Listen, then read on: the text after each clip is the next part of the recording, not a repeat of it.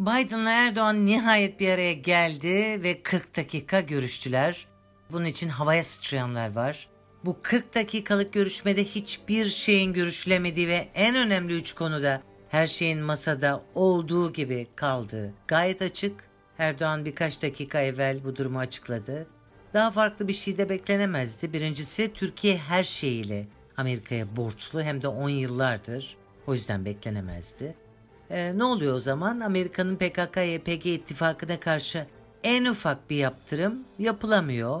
Türkiye şikayet edip duruyor o kadar. Amerika'da PKK'ya yardımı şimdi yarın tanklarla da taçlandıracağını açıklayıverdi. Bizimkilerde tıs yok olamıyor. Hala Amerika'nın Büyük Kürdistan hayalinin vazgeçilemez olduğunu bir türlü anlayamıyoruz. İkinci konu da masada o da Kıbrıs konusu. Biden Yahudiden çok Yahudi, Yunanlıdan çok Yunanlı, Kürtlerden çok Kürt. Ee, bunu anlamayan nasıl anlamıyor şaşkınlık içindeyiz. Şunu da ilave etmek lazım. Biden Ermeniden çok da Ermeni. 24 Nisan'da ilk kez soykırım lafını ağzına almış bir Amerikan başkanı. Ve bunun altından müthiş büyük bir pislik Türkiye'yi bekliyor.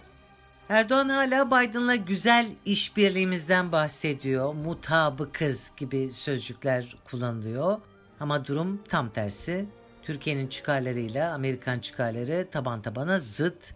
Ve tüm sorunlar olabildiğince büyük haliyle masada ve önümüzdeki günlerde bu sorunlar daha da büyüyecek.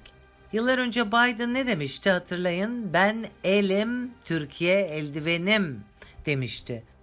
Bu Afganistan'da, Pakistan'da, Ukrayna'da verdiğimiz tavizlerde gayet açık ve net görünüyor. Biden bizi eldiven olarak kullanıyor. S-400 konusu da masada kalmış konulardan biri. Zaten bir yıldır S-400'leri kullanamıyor olmamız da oldukça manidar.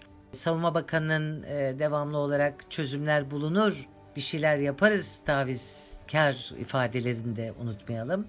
15-16 yıl önce Atilla İlhan'ın bir NATO zirvesi ardından, Türkiye'de yapılmış bir NATO zirvesi ardından yazdığı bir makaleden size birkaç paragraf aktararak bitirmek istiyorum. Her şey çünkü o kadar aynı ki ve değişemiyor ki 2005 yılından bu makaleyi sizle paylaşmak istiyorum belli yerlerine. Batılılar 2. Dünya Harbi'nde Almanya'yı, Soğuk Harp'te ise Sovyetler Birliği'ni kuşatarak sonuca ulaştılar diyor. Bugün de Türkiye Batı dünyası tarafından kuşatılmıştır.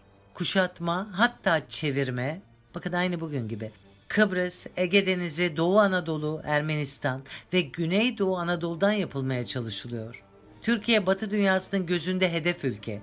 Bazılarına göre ise gelişen jeopolitik ortamda cephe ülkesidir. Türk aydınını tanıyoruz diyor Atilla abi. İlerici çünkü batılı, daha doğrusu batıcı.